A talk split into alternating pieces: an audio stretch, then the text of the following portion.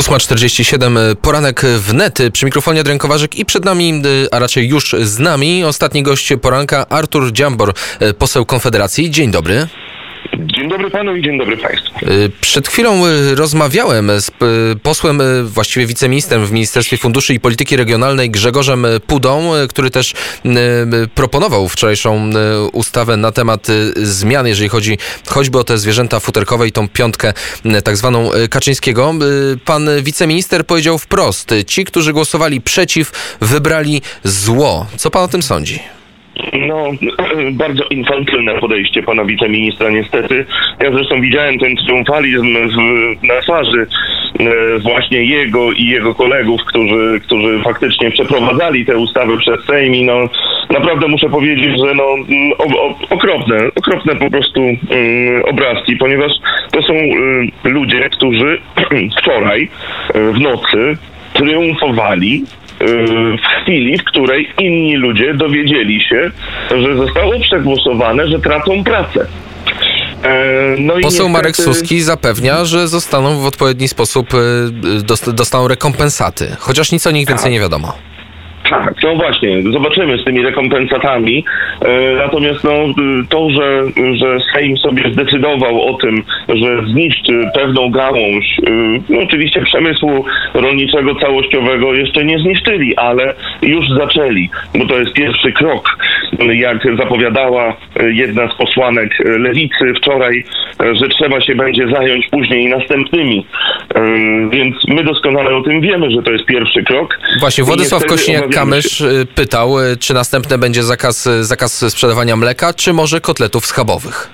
Nie, to oczywiście było y, już takie bardzo obrazkowe, tak, i takie, takie przesadzone, bo to będzie rzeczywiście na końcu. Natomiast faktycznie jest tak, że w tej dyskusji o tym, jak to rolnik źle traktuje swoje zwierzę, z którego żyje, y, dochodzimy do absurdu, bo można stwierdzić, że właściwie wszystkie zwierzęta, które są y, chowane tylko po to, żeby później zostały zjedzone, są traktowane źle, tak? I, no niestety, ale no poszliśmy dzisiaj, no wczoraj, Sejm, ta większość, która się uformowała z koalicji PiSu, lewicy, skrajnej lewicy, takiej post, nie tylko postkomunistycznej, ale też tej skrajnej typu Zandbergowej e, i Platformy Obywatelskiej, która szuka siebie i nie może odnaleźć, e, no niestety to jest koalicja, która zachowała się bardzo nieodpowiedzialnie. Oni, oni spowodowali, że z rynku znika e, pewna gama zawodów i że z rolnictwa znika pewna gałąź.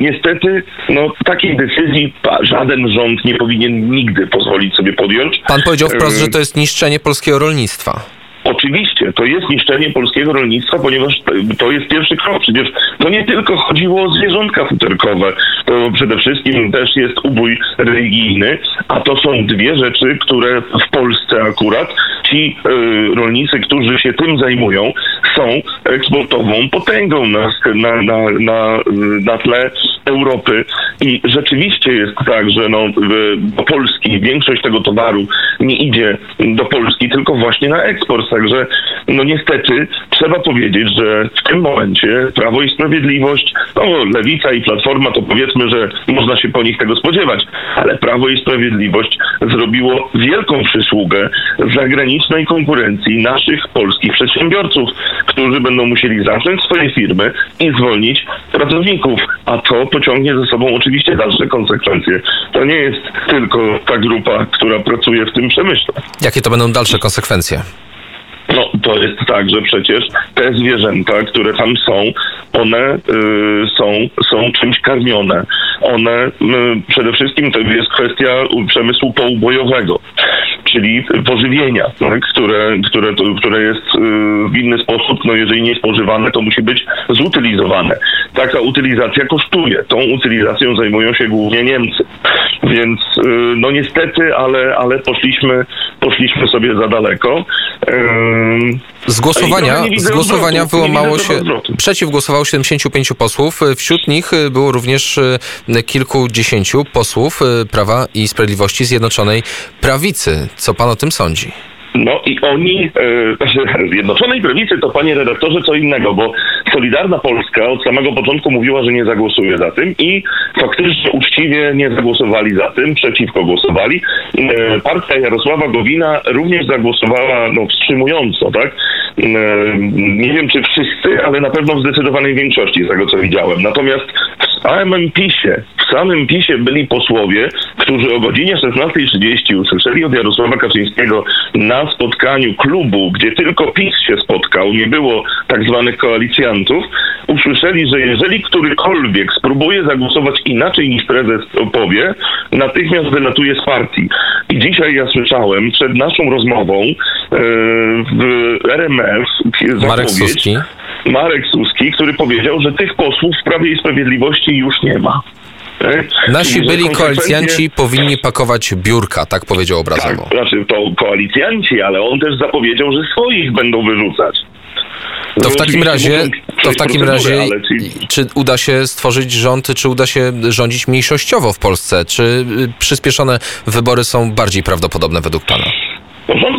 Mniejszościowy w Polsce nie ma dobrej prasy i dobrej historii. Pamiętamy Belkę przecież wszyscy. E, Partia Prawo i Sprawiedliwość, która była przyzwyczajona, jest przyzwyczajona do takiego rządzenia niepodzielnego i do robienia wszystkiego, co ma ochotę, też na pewno no, nie, nie pogodzi się z rządem mniejszościowym. E, ja troszkę wątpię, że taki będzie finał, jak dzisiaj zapowiedział Marek Suski. Ja myślę, że to jest po prostu szantażowanie koalicjantów. Koalicjantów którzy nie mają wyjścia, bo zarówno Jarosław Gowin, jak i Zbigniew Ziobro, obaj są świadomi, że gdyby Jarosław Kaczyński ogłosił za miesiąc wybory, to jedni i drudzy kończą kariery polityczne, bo ani nie są w stanie zarejestrować list, ani nie mają żadnego właściwie poparcia społecznego, takiego jednostkowego, w sensie indywidualnego, tak? Więc yy, myślę, że to jest twarde pokazanie, że Jarosław Kaczyński jest dysponentem poparcia rzędu 40% i Jarosław Kaczyński w każdej chwili może nacisnąć czerwony guziczek i zrobić reset. Natomiast y, koalicjanci Jarosława Kaczyńskiego no troszkę podskakują, troszkę tam się stawiają, ale finalnie będą musieli zrobić to, co Jarosław Kaczyński chce, bo inaczej zakończą kariery polityczne. A to nie tylko chodzi o ich kariery polityczne, chodzi też o, o pracę ich y, znajomych, rodziny, przyjaciół w spółkach Skarbu Państwa. Y, więc tam do stracenia jest nie tylko miejsce w Sejmie. Czy dla, posłów, dużo, dużo więcej. Czy dla posłów potencjalnie wyrzuconych z Prawa i Sprawiedliwości może być miejsce w Konfederacji? No, o tym będziemy rozmawiali, zobaczymy. A czy nie ma takich rozmów już? Nie, nie, ma takich rozmów, yy, ani nie ma też takich zapowiedzi. Yy, nikt do nas się nie zgłaszał w żaden sposób, absolutnie.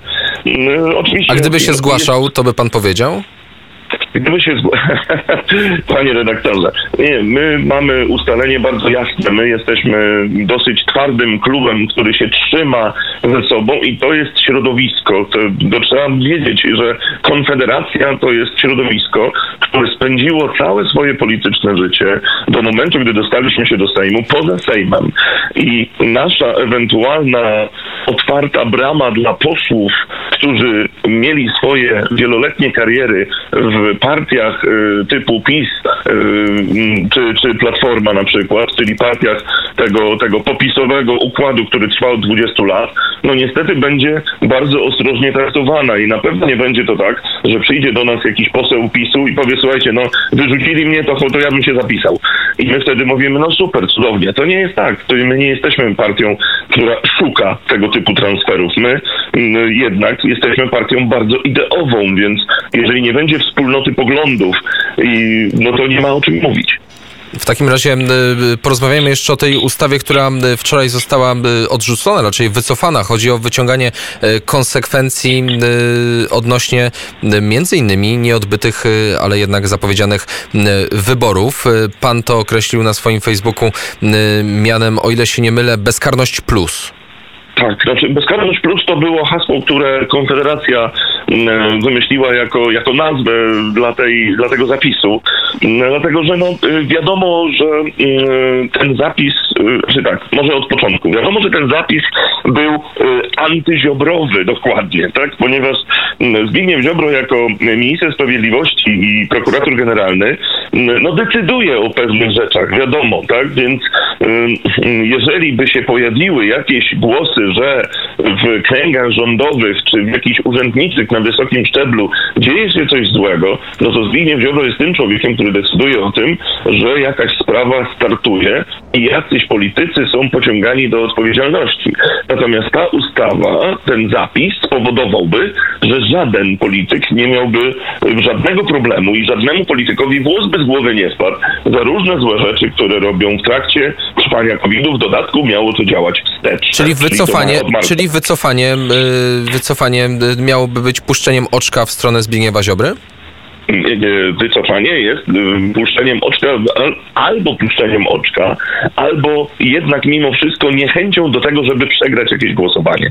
Prawo i Sprawiedliwość nie przegrało żadnego głosowania w tej kadencji Sejmu, poza tym jednym, które przegrali dzięki Grzegorzowi Braunowi, który y, na poprzedniej sesji Sejmu w sierpniu zachował przytomność bardzo, bardzo mocną i wtedy, kiedy pani marszałek mówiła, jeżeli nie usłyszę sprzeciwu, to uznam, że Wysoka Izba się zgodziła na to, żeby było to dalej procedowane, a Grzegorz Braun krzyknął sprzeciw. I wtedy, według procedury sejmowej, trzeba było zasądzić głosowanie y, nad tym, czy możemy dalej to procedować. I na tym głosowaniu zabrakło 40 paru posłów PiSu, w tym oczywiście Solidarna Polska całkiem przypadkiem, no bo wiadomo, że to była ustawa, z którą oni się nie zgadzali w trakcie negocjacji tych międzypartyjnych. Już to podnosili. Więc wtedy Prawo i Sprawiedliwość przegrało. Nie mogli tego przeprocedować w sierpniu, więc teraz wpisali to po prostu do harmonogramu na wrzesień, już bez żadnego głosowania, ale no, okazało się, że nie przegadali tego ze swoim koalicjantem, więc mieli przed sobą widmo przegranego głosowania, a to nie przystoi rządowi, rządowi tak twardemu jak Prawo i Sprawiedliwość. Lepiej było nie odbyć tego głosowania. I tu postawimy kropkę. Dziękuję serdecznie. Artur Dziambor, poseł Konfederacji, był gościem poranka wnet. Dziękuję i y, słonecznego dnia życzę. Dziękuję, dziękuję, miłego dnia życzę. Dziękuję. Do usłyszenia. Jest godzina 8.59. Za chwilę wiadomości o godzinie 9. Ja się z Państwem żegnam. W ten sposób kończymy poranek wnet. Adrian Kowarzyk prowadził.